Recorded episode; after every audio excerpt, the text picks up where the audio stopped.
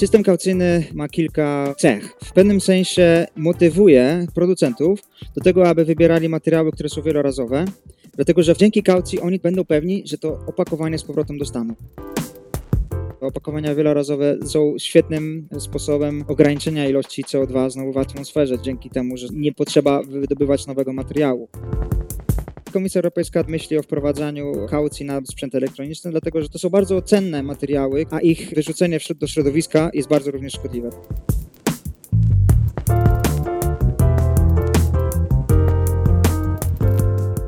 kolejny odcinek podcastu Zrównoważeni. Dzisiaj mamy przyjemność rozmawiać z, z, przedstawicielem Polskiego Stowarzyszenia Zero Waste i członkiem zespołu Europejskiego Biura Ochrony Środowiska Piotrem Barczakiem. Bardzo nam miło. Cześć, witam. Z tej strony Michał Rypel i Mateusz Tokarski. Dzisiejsza rozmowa będzie obracać się wokół tematu kaucji na opakowania, kaucji na tworzywa i innego rodzaju e, materiały. Pierwsze pytanie, zanim jeszcze przejdziemy do meritum. Czym, Piotrze, zajmujesz się na co dzień? Czym się zajmujesz profesjonalnie? Tak, e, profesjonalnie, bo, bo sama praca to nie jest całe życie, ale jeśli chodzi o profesjonalne, to codziennie pracuję w, właśnie w European Environmental Bureau z siedzibą w Brukseli od 8 ponad lat w temacie gospodarki odpadami, politykach e, gospodarki odpadami. My jesteśmy biurem, które e, jest federacją większości NGO-sów, czyli organizacji pozarządowych z całej Europy. I reprezentujemy interesy tych NGO-sów w Brukseli i również vice versa, prawda? Przynosimy informacje z Brukseli bezpośrednio do tych NGO-sów, które w Polsce czy tam w różnych innych krajach pracują. Ale również jestem współzałożycielem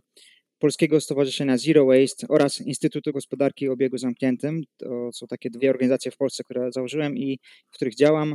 I tak, rzeczywiście w Polskim Stowarzyszeniu Zero Waste propagujemy ideę Zero Waste, czyli zero odpadów, na różnych poziomach e, lifestyle'u, ale również w takich politycznych e, rozwiązaniach systemowych. To się wiąże z dużą też działalnością na mediach społecznościowych. Teraz wysoko w tematach jest system kaucyjny i opakowania. W, w takim razie właśnie w związku z tym systemem kaucyjnym takie przewrotne pytanie.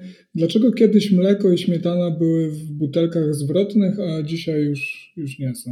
No tak, dobre pytanie. Tak w ogóle to nie tylko mleko i śmietana, wiele, wiele napojów, piwa, orężady, tak? To wszystko było w, w, butelkach zwrotnych szklanych. Dlaczego tak było? No pewnie z różnych powodów. Jeden z, jednym z powodów jest to, że konsumpcja była lokalna, konsumpcja i produkcja, czyli mleko, które dostawaliśmy, znaczy ja w ogóle nie pamiętam tych czasów, ale tak, tak jak opowiadają rodzice czy dziadkowie, to mleko, które było dostępne to było mleko produkowane przez rolników, którzy byli niedaleko miasta. I oni to mleko dowozili, czy tam w różnych kooperatywach je dowozili i odwozili i przywozili z powrotem i napełniali. Dzisiaj to się robi w, w, centralnych nalewniach, czy tam rozlewniach, prawda? Już nie mówię tylko o samym mleku, ale o wszystkich praktycznie produktach. Centralne rozlewnie może ma, są bardziej efektywne, bo, bo robią tego miliony ro, dziennie praktycznie. No i oczywiście też tu jest kwestia przydatności do spożycia. Mleko UHT, które jest pakowane w kartony, no też ma inną tutaj wartość, ale również smak, jak, jak może wiecie, smak takiego prawdziwego mleka nie UHT jest o wiele lepszy. No niestety w takim systemie, gdzie jest dystrybucja centralna, no praktycznie bardzo trudno znaleźć w sklepach w Polsce takie, takie mleko. Dlaczego już nie ma wielorazowych opakowań? Bo po prostu system, producenci, im jest łatwiej e, scentralizować działania, dystrybucję, transportować na wielkie odległości w opakowaniach najbardziej lekkich jak możliwe, czyli plastikowych lub takich tetrapakach, po to też, żeby obniżyć koszty transportu. Także to się wszystko tak jakby poszło w tą stronę centralizacji i globalizacji, niż właśnie regionalizacji czy lokalnej produkcji konsumpcji, która de facto byłaby najlepsza dla środowiska, no i pozwalałaby, aby te opakowania były wielorazowe i wracały z powrotem do producenta. Dzisiaj rozmawiamy o mm, systemie kaucyjnym, no a teraz zaczęliśmy właśnie od tych butelek zwrotnych, e, w których było mleko. Czy jest różnica między systemem kaucyjnym a systemem po prostu zwrotnym, gdzie ktoś przyjeżdża i zabiera butelkę pustą po mleku spod naszych drzwi? Rzeczywiście, no jeżeli e, były takie systemy, w których bez potrzeby kaucji była pewna umowa społeczna między dostarczycielem a, a konsumentem, w której dostarczyciel miał pewność, że te butelki do niego wrócą, to jak najbardziej. No ale w, takie systemy działały. W, w dzisiejszym faktycznie świecie no nie ma takiego zaufania albo relacji między producentem a konsumentem, nie, nie ma takiej dłuższej relacji. Jest potrzeba takiej kaucji, czyli zapewnienia, że produkt czy opakowanie, które de facto należy do producenta, na pewno wróci do tego producenta, więc kaucja jest potrzebna I tutaj jakby, no też, ona też była, nie? No to mówimy tylko o mleku, ale tak naprawdę przecież na orężady zawsze była kaucja, na piwo też zawsze była kaucja. To jest jednak zapewnienie tego i również taka motywacja dla, dla konsumenta, który gdziekolwiek spożyje to swoje piwo, to na pewno tą butelkę przyniesie z powrotem i ona wróci z powrotem do systemu. Mhm. Czy, czy są jakieś miejsca w, w Europie albo na świecie, w których taki system kaucyjny już działa? Tak, tak, oczywiście. W Europie już jest 9 albo 10 krajów, które posiada ten system, na przykład Niemcy, już od bardzo, bardzo dawna. Może taką anegdotę powiem, tylko właściwie ile? Tydzień temu wróciłem z mojej wyprawy z Brukseli do Berlina rowerem. Rowerem jechałem całą drogę, ponad 800 kilometrów. Jeszcze w Belgii widać było często puszki na przykład na poboczach, ale jak już się wjechało do Niemiec, to naprawdę szukałem, szukałem, gdzie, czy, czy znajdę jakieś puszki albo jakieś butelki i nie znalazłem. Znalazłem dopiero później, bliżej, już tak w połowie, koło Magdeburga, jedną puszkę, ale co znalazłem jeszcze, to jest ciekawe, znalazłem polskie opakowania. Oczywiście dlatego, że polskie produkty nie mają kaucji, ani nie mają jej ani w Polsce, a już tym bardziej w Niemczech, dlatego że kaucja jest raczej narodowa, krajowa, na poziomie kraju nie może być takich transgranicznych przemieszczeń odpadów, które mają, czy tam opakowań, które mają kaucję. No i właśnie dlatego te opakowania się pojawiły na poboczach niemieckich dróg, więc w Niemczech to działa. Mówię, nie znalazłem wiele opakowań.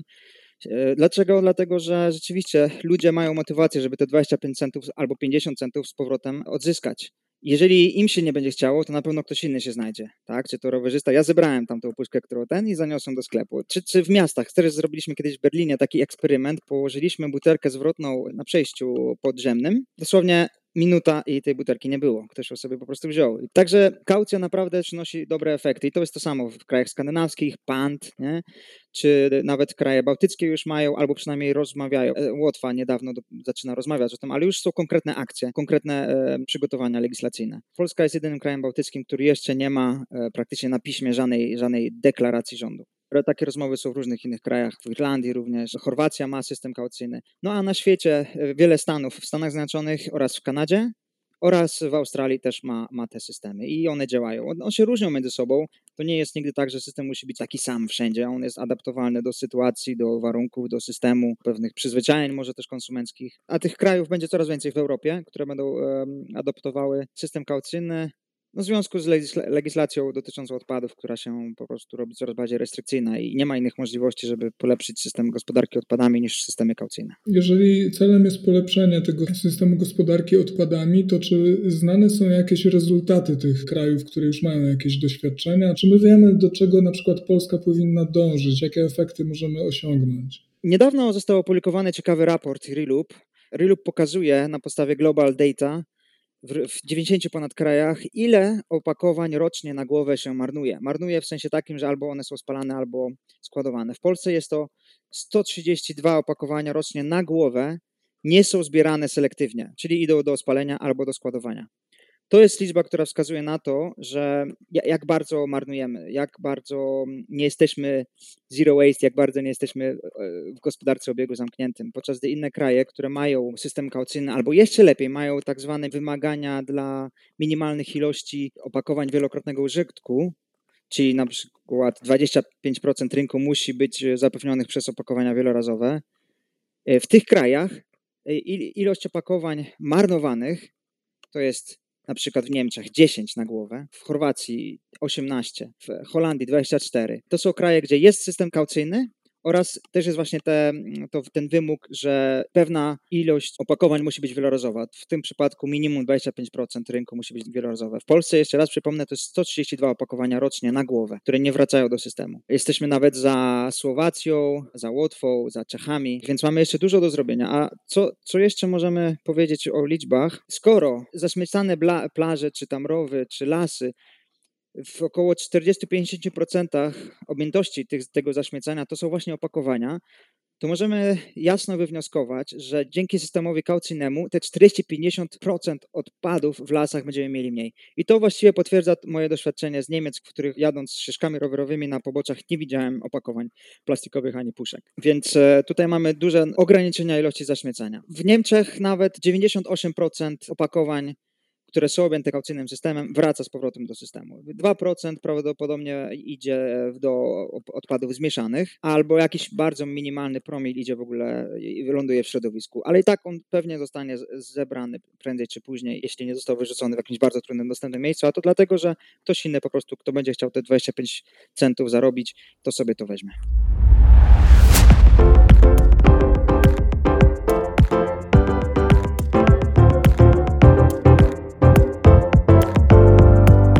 No właśnie w tym kontekście ja się zastanawiam, e, bo mówimy tutaj o dążeniu do stworzenia obiegu zamkniętego, czyli takiego, w którym e, te odpady nie opuszczają go i nie lądują po prostu na, na jakimś wysypisku, nie są składowane albo spalane. Z tym, że na przykład w przypadku plastikowych butelek ich żywotność jest, e, zakładam, ograniczona, to znaczy to jest materiał, który się zużywać, więc po wprowadzeniu takiego systemu kaucyjnego producenci na przykład zmieniają jakość tych, y, tych opakowań na taką, która pozwalałaby ich używać wielokrotnie? System kaucyjny ma kilka cech. Przede wszystkim najważniejszą jest taką, że on zawraca materiał z powrotem do systemu. Oczywiście on w pewnym sensie motywuje producentów do tego, aby wybierali materiały, które są wielorazowe, Dlatego, że dzięki kaucji oni będą pewni, że to opakowanie z powrotem dostaną. Bez kaucji nikt nie zainwestuje w kosztowne e, opakowania, po prostu nie wiedząc nawet, czego dostanie z powrotem. Także tutaj mamy już otwarcie jakby drogi dla lokalnych producentów piw, dla, dla wody mineralnej lokalnej, dla soków, producentów soków, aby na rynku lokalnym dystrybuowali i, i te butelki z powrotem dostawali. Właśnie dzięki systemowi kaucyjnemu. Ale drugą rolą jest właśnie sam powrót jak, jakiegokolwiek, każdego materiału, czyli nawet jednorazowego szkła, nawet jednorazowej puszki, nawet jednorazowego plastiku, musi on być po prostu zawrócony w najczystszej e, możliwej postaci. Dzisiaj w Polsce w ogóle mamy problem z selektywną zbiórką.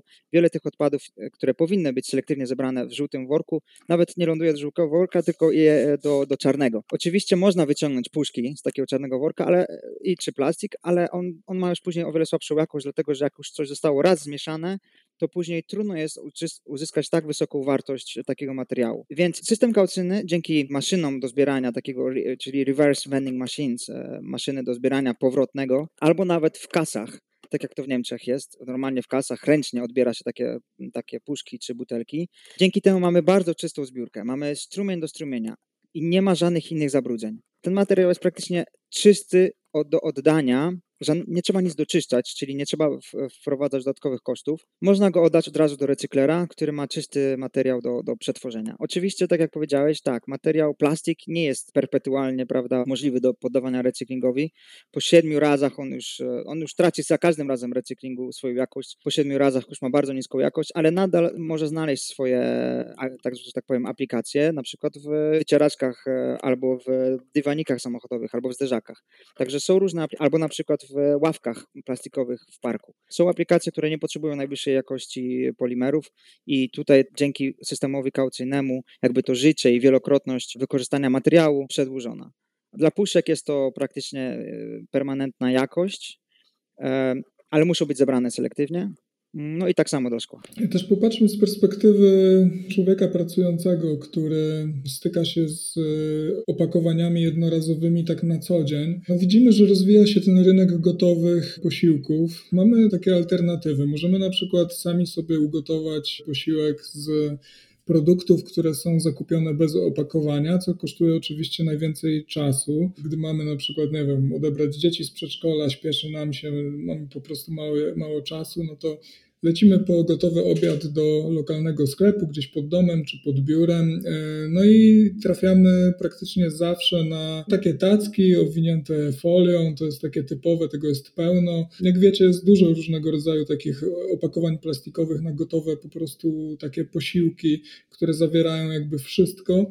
No i to jest kuszące, żeby po prostu z tego skorzystać. Mnie to osobiście boli, tak, ale też się czuję winny, no bo mimo, że lubię ugotować i staram się robić to samodzielnie, żeby korzystać z mniejszej ilości opakowań, no to jednak czasem czuję, że no nie mam wyjścia, że po prostu presja czasowa jest taka, że kupuję ten e, produkt po prostu no nierozsądnie zapakowany i, i teraz e, nasuwa mi się takie pytanie, czy system kaucyjny może w jakikolwiek sposób rozwiązać ten problem? Czy mamy na przykład takie opakowania zwrotne gdzieś na świecie, które mogą być tutaj wykorzystywane właśnie w tym zastosowaniu albo na przykład w biznesie biznesie cateringowym. Tak, tak. Znaczy tutaj na pewno jest dużo różnych rodzajów opakowań, na przykład wszystkie opakowania, które się wkłada tylko do mikrofalówki, no tutaj trudno je zastąpić. Ja bym odpowiedział w kilku etapach. No raz na poziomie w ogóle całego społeczeństwa, widać, że odchodzimy od gotowania w domach, co nie jest najlepszym i najzdrowszym również trendem. Więc zastanówmy się, co, co bardziej cenimy. Trochę, trochę więcej minut, ale gorszej jakości, mniej smaczne i niezdrowe jedzenie,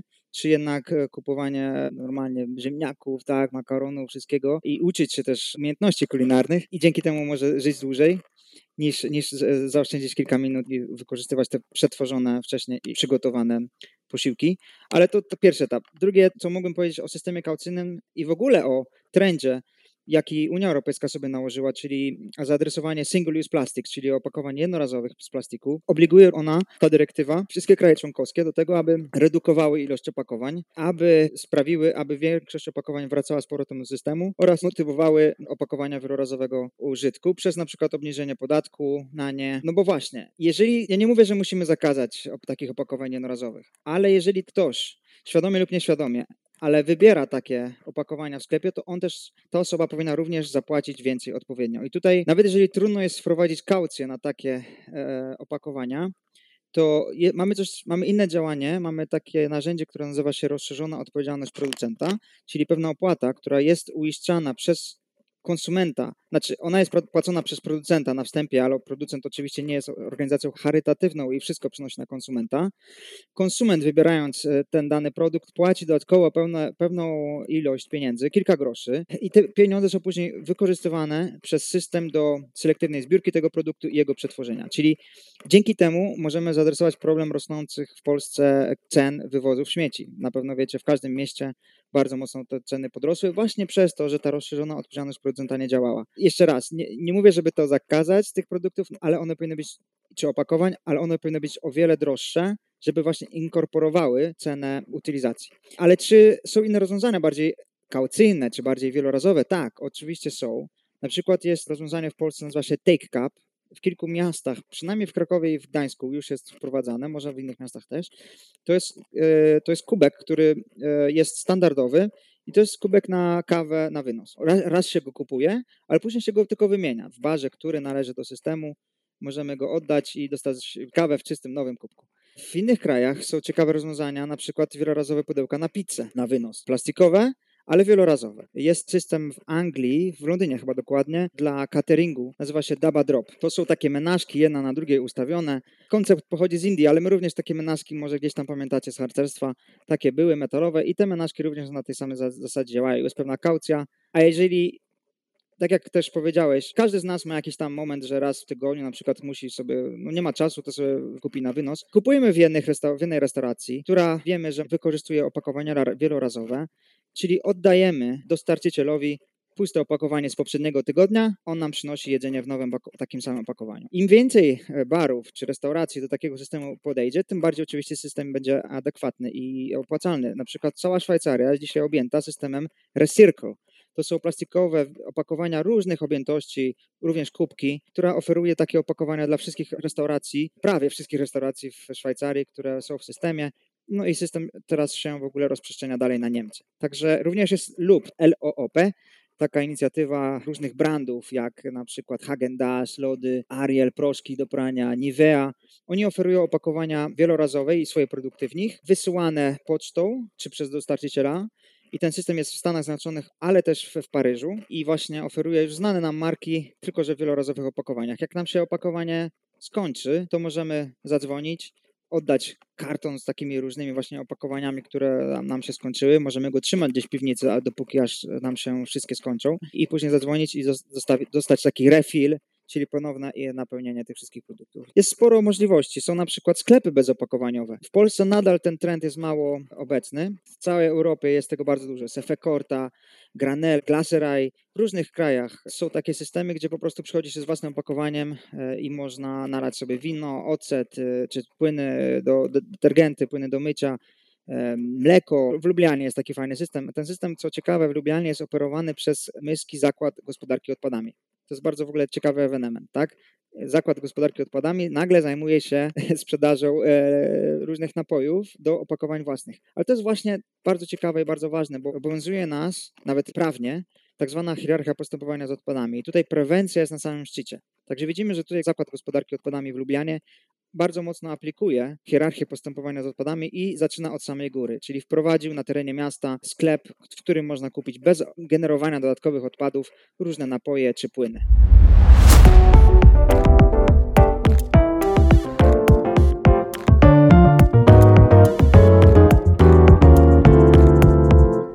Dalej tropem tych sklepów, gdzie można przyjść z własnymi pojemnikami, jakiś czas temu natknąłem się, gdzieś podsłyszałem taką dyskusję na temat tego, że lokalnie ktoś miał po prostu dostępny jakiś fajny sklep z garmażerką wysokiej jakości i bardzo bolało go to, że chciał po prostu przyjść ze swoim słoikiem, tak, żeby pani mu nałożyła tej sałatki po prostu do, do, do, jego własnego opakowania, natomiast to już był czas COVID-u. Ta osoba natknęła się na ostry sprzeciw tych sprzedawców, że, że to jest totalnie niehigieniczne, że dzisiaj takie rozwiązanie nie ma szans w ogóle działać, że ktoś przyjdzie ze swoim opakowaniem i żeby mu y, ktoś nałożył żywność. Co ty o tym myślisz? Czy to faktycznie jest bariera, czy, czy, czy na przykład y, jeżeli chodzi o żywność, własne opakowania, czy to jest jakikolwiek y, rokujący kierunek? Na początek tylko powiem, że my jako Zero Waste bardzo sobie cenimy zdrowie i nie ma nic ważniejszego niż zdrowie.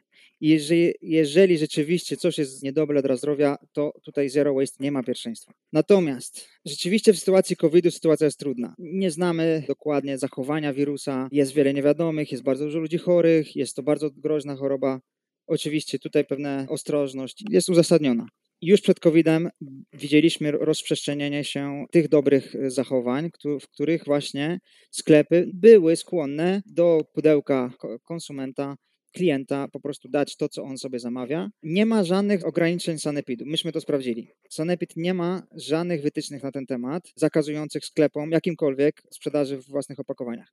Jest tylko wymóg, że to sklep musi zapewnić czystość. Ale to jest jasne, dla każdego sklepu musi być zapewniona czystość. Jeżeli sklep nie potrafi zapewnić czystości e, również w takiej sytuacji, kiedy klient przychodzi z własnym opakowaniem, to to jest problem sklepu. To są wytyczne sklepu, to są zasady danego sklepu. Czyli my jako klienci możemy sobie wybrać sklep, w którym rzeczywiście oni to nam nałożą.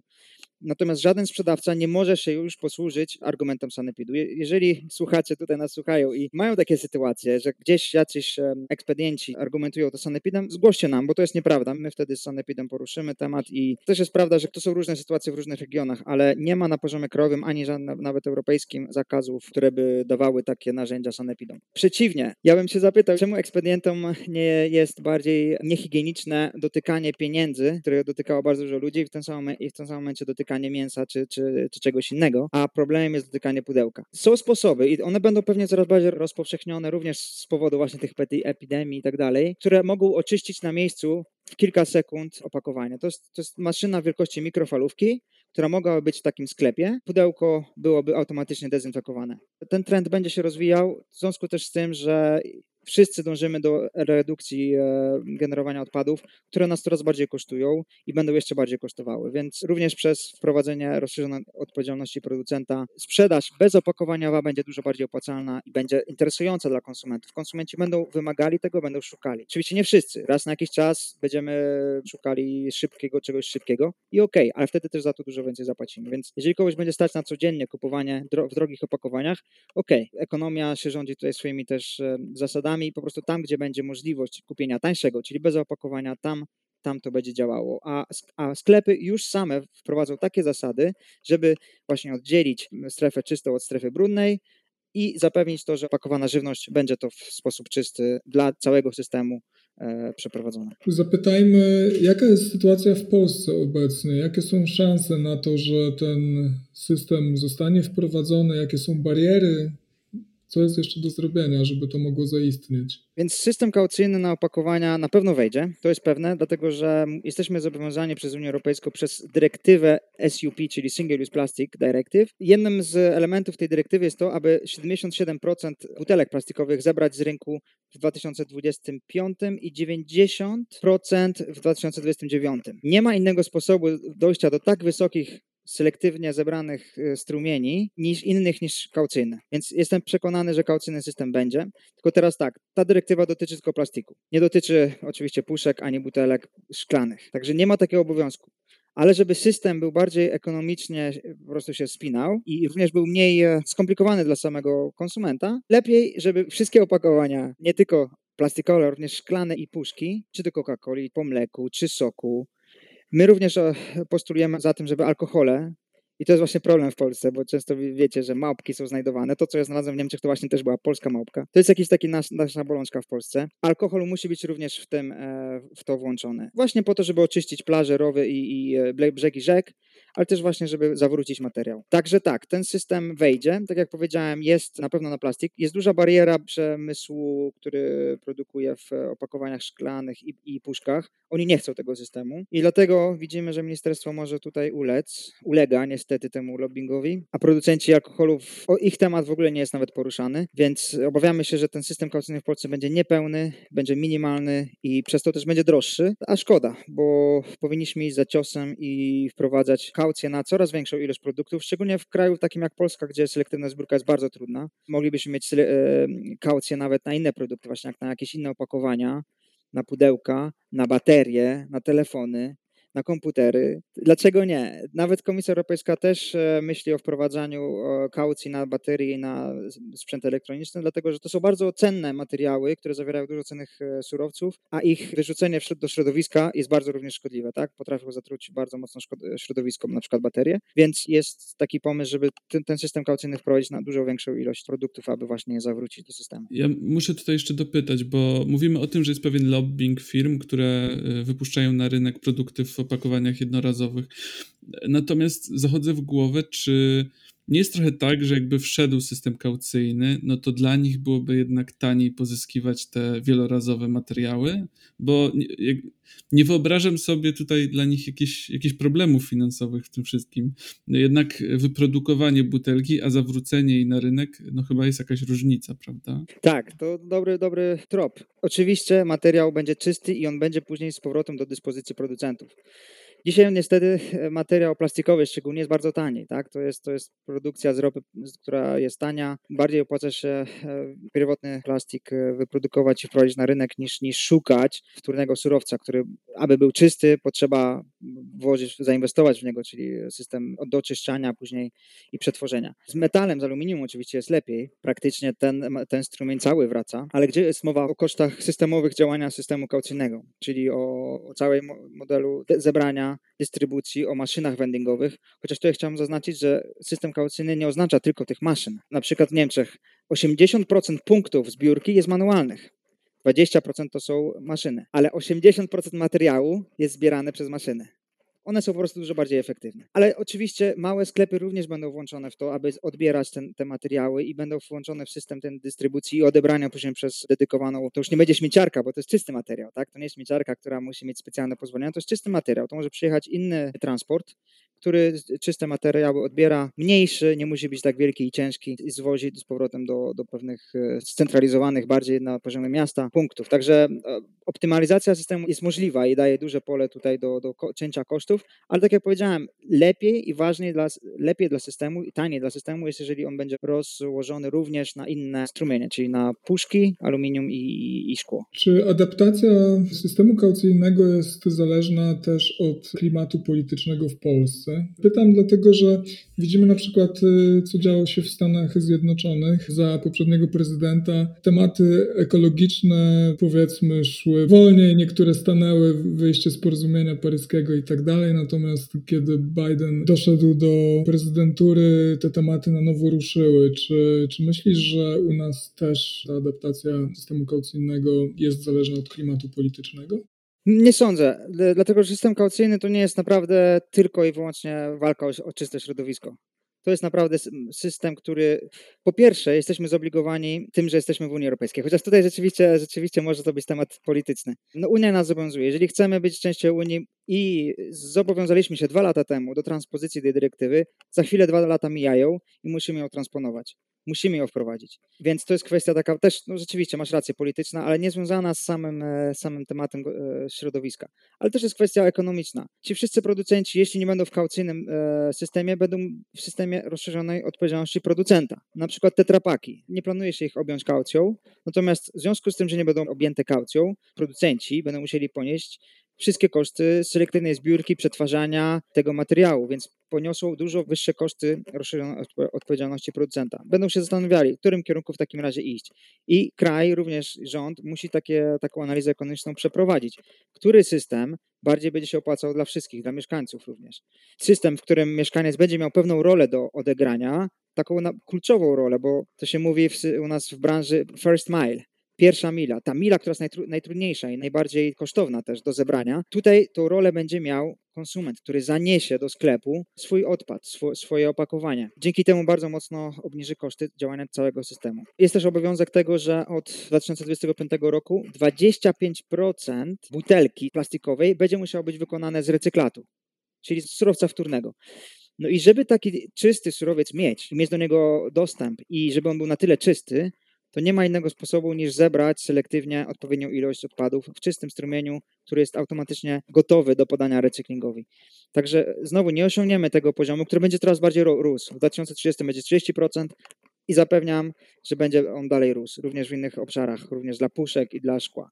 Także jest pełna jakby seria różnych zobowiązań, również klimatycznych. To jest rzeczywiście temat podobny do, do Stanów Zjednoczonych. Butelki wielorazowe, opakowania wielorazowe są świetnym sposobem ograniczenia ilości CO2 znowu w atmosferze, dzięki temu, że są, nie potrzeba wydobywać nowego materiału. Odpowiadając, są tutaj polityczne tematy na pewno, ale dużo ważniejsze są tematy ekonomiczne, które według mnie nawet w, w sytuacji dzisiejszego polskiego rządu, który nie jest bardzo wrażliwy na tematy ekologiczne, skłonią do tego, żeby system kaucyjny wprowadzić. Czy istnieją y, jakieś dopłaty dla firm, które miałby brać udział w takiej transformacji? Czy, czy są jakieś takie narzędzia ekonomiczne, dzięki którym firmy będą chętniej przystępowały do takiego transformowania się? Tak, na poziomie Polski nie potrafię tego odpowiedzieć. Myślę, że nikt jeszcze nie wie, czy będą takie doda- wsparcie. Znaczy, Narodowy Fundusz Ochrony Środowiska powinien takie narzędzia przewidzieć, ale nie potrafię na to odpowiedzieć. Natomiast jest narzędzie, które jest wpisane w ramowej dyrektywie odpadowej, to jest artykuł 8 i 8a. To jest właśnie rozszerzona odpowiedzialność producenta, a dokładniej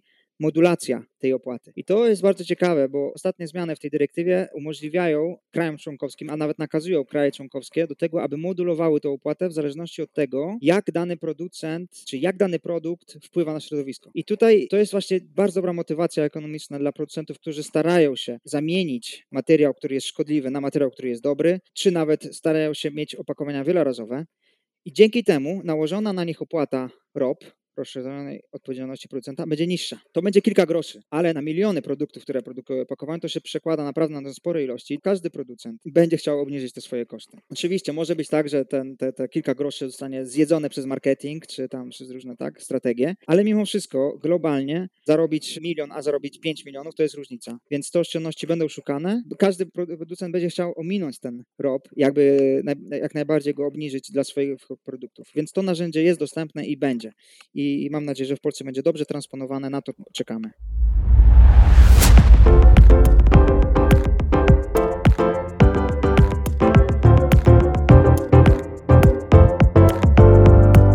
Nie wiem, czy to tak wybrzmiało. W każdym razie, no, ja zrozumiałem też z tych Twoich wypowiedzi, że ten system kaucyjny zbliża się, tak, że będziemy go wprowadzać, jest to jakby nie, nieuniknione, ale tak jakby nie czuję jeszcze tej perspektywy czasowej. Czy, czy faktycznie można założyć, że, że on będzie w jakiejś formie działał, że gdzieś będzie ten, nie wiem, czy będzie jakiś oficjalny start, czy myślisz, że to będzie bardziej płynnie, czy, czy, czy w ogóle ciężko jest powiedzieć coś na ten temat? Nie no, będzie na pewno oficjalny start, bo, bo system musi zacząć działać wspólnie, nie może być tak, że tylko kilka opakowań ma kaucję, chyba, że to są konkretni producenci, prawda? Niektórzy producenci mają kaucję, nawet w Polsce, ale to nie jest, to nie jest system ogólnokrajowy. Tak, znamy pewne daty. Mogę podpowiedzieć, że niedawno e, była interpelacja poselska kilku posłanek z ruchu 2050 do Ministerstwa Środowiska, w którym pytały dokładnie o daty. I odpowiedź była, że od 2022 roku, od 1 stycznia, będzie ustawa. Ale ustawa ma również czas przejściowy i on będzie wynosił dwa lata. Więc można założyć, że na początku 2024 roku będziemy mieli e, już, e, będziemy już musieli w sklepach płacić dodatkowo te 50 na przykład groszy, chociaż stawka nie jest podana. Pamiętam, że minister w różnych dyskusjach, wywiadach się tutaj migał od odpowiedzi między nawet 50 a nawet jedną złotówką, Więc trudno to powiedzieć, ile to będzie. E, my zakładamy według różnych analiz, również takich porównujących zasobność portfela Polaków, że 50 groszy będzie wystarczające, aby większość materiału z powrotem wróciło do systemu. Także jeszcze raz powtórzę, początek roku 2022 to jest ustawa, a 24 to jest czas, kiedy już e, to będzie obowiązywało, znaczy będzie już wdrożone. Z reguły czas wdrożenia to jest między 18 a 24 miesiące, żeby dać czas producentom na, na przygotowanie się. No właśnie, a propos tego przygotowania, e, zastanawia mnie też kwestia edukacji, bo e, zakładam, że, że przy transformacji, przy wprowadzeniu systemu kaucyjnego potrzebne jest, żeby i producenci, ale też odbiorcy, konsumenci, no znali zasady gry, mówiąc krótko. Według mnie najlepszym, najlepszą edukacją jest przez portfel. Bardzo szybko poczujemy, że nagle płacimy za 6 butelek o 3 zł więcej. Bardzo szybko. Za, jeśli nie za pierwszym, to za drugim razem już się zorientujemy, dlaczego płacimy więcej i to już wejdzie nam w nawyk. To nie jest e, nic trudnego według mnie. Jeśli mówimy tylko o kalcach, oczywiście są inne problemy, gdzie edukacja jest bardzo dużo bardziej potrzebna i pewna informacja, ale jeśli chodzi o same kaucje, w związku z tym, że to dotyka bezpośrednio naszego portfela, to myślę, że tu nie będzie dużo problemu. Właśnie też tak sobie myślę o tym systemie kaucyjnym, że żeby się tak za bardzo na nim nie zafiksować mentalnie, że to nie jest jakby cel sam w sobie, tak? tylko jest to jakby jedno z narzędzi, które pozwala bardziej odpowiedzialnie korzystać z tych materiałów. Tak, dokładnie. Unia Europejska w wielu tematach, szczególnie fiskalnych, nie ma kompetencji. Tutaj nie może wejść przed szereg, ale kraje mogą wprowadzać dodatkowe opłaty. I tutaj rzeczywiście jest, nie wiem czy to się nazywa dokładnie opłata śmieciowa, ale jest opłata, która była zaproponowana w propozycji e, transpozycji w Polsce, właśnie dyrektywy SUP, która była nakładana na kubki na kawę. Jednorazowe kubki na kawę to była jedna złotówka. To ma być jedna złotówka. Nie wiem, czy dalej stanowisko jest przy tym, mam nadzieję, że jest. Ale to rzeczywiście taki dodatkowy podatek, to nie jest ani kaucja, to nie jest ani rozszerzona odpowiedzialność producenta, to jest po prostu demotywacyjna opłata. Złotówka to jest dużo, jak na kawę, która kosztuje może 5 zł. Tak, ale musi być komunikowana i widoczna właśnie po to, żeby zmotywować konsumenta do tego, aby może następnym razem przed własnym kubkiem, albo może wypił na miejscu. Bo te kubki też wiecie, one później nagle się wylewa nam ze śmietników ilość takich kupów, szczególnie na skrzyżowaniach w dużych miastach. Po prostu ludzie rano idą, tak, z, z tramwaju czy coś do tramwaju i wyrzucają. I te kubki z bardzo dużym są problemem, one dalej zaśmiecają nam środowisko. To akurat są rzeczywiście odpady, które widziałem w Niemczech podczas mojej podróży. Niestety na kubki nie ma kaucji. Jeżeli doczyszczenie, oczyszczenie później środowiska z tych kubków kosztuje, a przecież kosztuje, to są, to są ekipy, samochody, później składowanie i spalanie to też kosztuje, to ta złotówka musi się dołożyć do, tego, do, do pokrycia tych kosztów. Pytanie oczywiście, jak to w Polsce zostanie wykorzystane, do czego te, ta złotówka, czyli miliony złotych zostaną wykorzystane, to jest drugie już pytanie. Ale dla mnie jako e, aktywisty ekologicznego jest to narzędzie ekonomiczne, które jest jest przydatne, szczególnie dla mentalności i dla zmiany podejścia konsumenta. Jeżeli mówimy o zmianach e, w podejściu konsumenta, to już tutaj e, muszę dopytać, wychodząc właśnie poza, e, poza ten system kaucyjny, jakie inne sposoby są równie kluczowe dla, dla tego ruchu Zero Waste? Co taki Szary Kowalski już tutaj mówiąc bardzo oględnie, e, może jeszcze zrobić, co rekomendujesz, co z pewnością odejmie mu e, kilogramów śmieci na co dzień? Tak, to jest dobre pytanie, też sobie często je zadaję i odpowiem najpierw takimi najważniejszymi według mnie sposobami.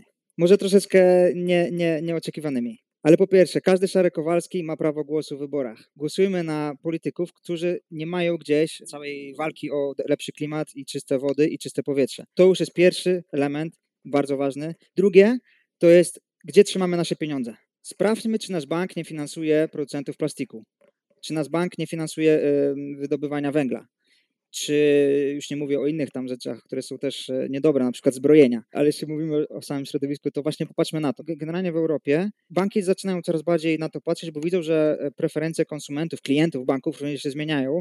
Klienci zaczynają przychodzić i pytać się, ale gdzie inwestujecie moje pieniądze, nie? Nawet nie mówimy o oszczędnościach naszych, ale nawet nasze pieniądze, gdzie zbieramy emerytury to są duże pieniądze i one też są inwestowane. Także tutaj możemy być najbardziej zero wasterami, nie? starać się mm, unikać wszystkich odpadów, ale trzymamy pieniądze w banku, który finansuje producentów plastiku, no to się to mija z celem. I trzeci element, który jest też bardzo ważny, to jest działajmy w organizacjach pozarządowych, bo to one nas reprezentują właśnie przy rządzie Polski, przy Komisji Europejskiej, czy przy ONZ-cie tam, gdzie największe decyzje się dzieją. Decyzje właśnie legislacyjne mają największy wpływ. Nie rozmawialibyśmy dzisiaj pewnie o plastiku ani o kalcach, gdyby nie zmiany, które przyszły z Unii Europejskiej. Bardzo ważne, również wychodzone, wydreptane i wyproszone i wykonsultowane przez również organizacje pozarządowe, które tutaj w Brukseli działają na co dzień w naszym imieniu. Jeżeli nie możemy działać w tych organizacjach, wspieramy je finansowo.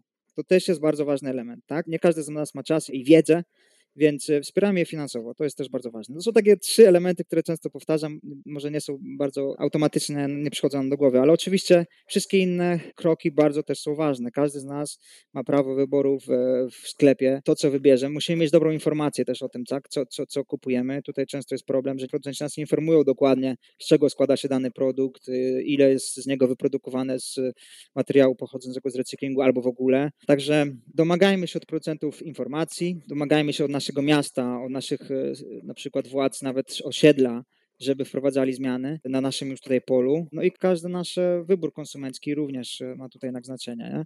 Bardzo często powtarzamy, że nie potrzebujemy garstki idealnych zero wasterów, potrzebujemy miliony ludzi, którzy codziennie, krok po kroku w ich zakresie potrafią kilka decyzji albo nawet jedną decyzję, która przybliża nas do gospodarki obiegu zamkniętym i do zero waste, taką decyzję potrafią dokonać. Nie? Więc tak, każde działanie się liczy.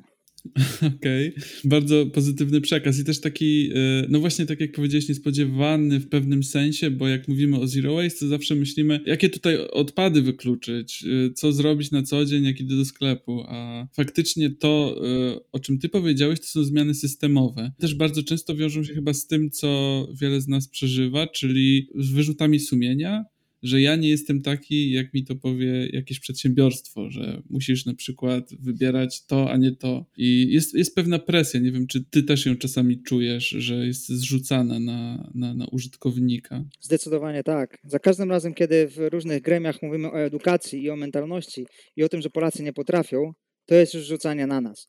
Naprawdę problem nie jest tutaj.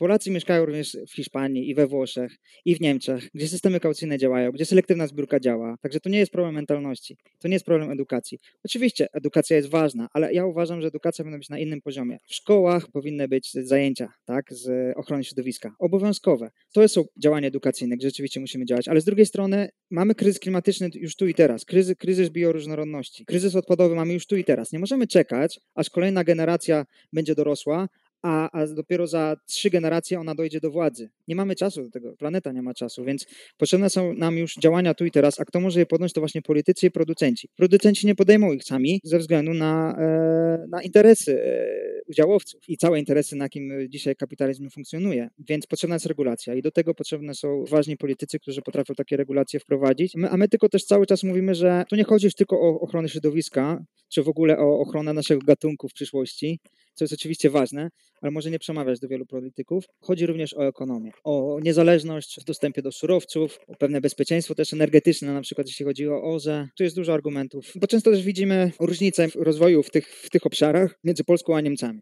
A gdyby tak naprawdę popatrzeć, my jako społeczeństwo niemieckie i polskie nie różnimy się aż tak bardzo, geografia też aż tak bardzo się nie różni. To, że jesteśmy dzisiaj w innej sytuacji w tym obszarze, to jest tylko i wyłącznie to, że przez wiele lat, przez dekady nie było konsekwentnych działań.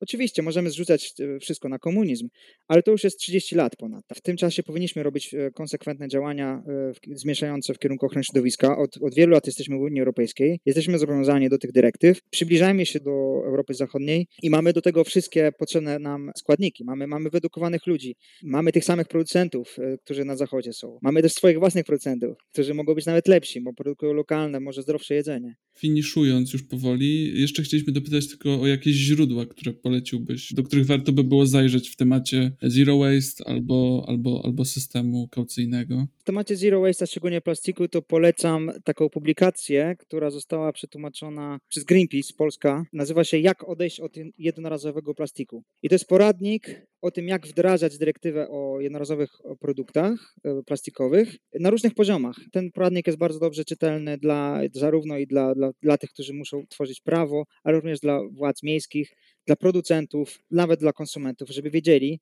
e, o tym, co mogą wymagać. Jak odejść od jednorazowego plastiku, to jest Rethink Plastic Alliance. W ogóle zapraszam na źródła, na, na stronę Rethink Plastic Alliance. Jest to europejski oddział Break Free from Plastic, czyli takiej dużej kampanii Zerwij z plastikiem. Wielka kampania cała, światowa, kilka tysięcy organizacji jest w nią włączone, również my. Także te dwie strony, Break Free from Plastic, Rethink Plastic Alliance. Zapraszam na, na, na strony facebookowe Stowarzyszenia Polskiego Stowarzyszenia Zero Waste oraz grupę dyskusyjną, na której właśnie rozmawiam bardzo już branżowo, może bardziej szczególnie z producentami, z, z firmami na temat gospodarki obiegu zamkniętym. To jest Instytut Gospodarki obiegu zamkniętym, czy IGOS. Mamy też stronę IGOS, igos.pl. Aha, a o kaucyjnym dokładnie to mamy, jest strona kaucyjny.pl. Bardzo łatwy, w którym jest bardzo dużo materiałów i przykładów z zagranicy, wszystko w języku polskim, e, niektóre raporty przetłumaczone również. Tam też są kontakty do nas e, i zapraszam do kontaktu jak najbardziej. Będziemy w stanie wesprzeć e, i podpowiedzieć zarówno argumenty, ale też przykłady, jak wdrażać pewne rozwiązania. Jak widać, źródeł nie brakuje. Y, perspektywa też jest. 2022-2024 to są te y, daty, które nas y, bardzo, bardzo mocno interesują, a które przybliżył nam Piotr Barczak, który był dzisiaj naszym gościem. Bardzo dziękujemy za udział w podcaście i mamy nadzieję, że jeszcze kiedyś się usłyszymy. Też mam taką nadzieję. Dziękuję bardzo i do usłyszenia, do zobaczenia. Dziękujemy. Dzięki.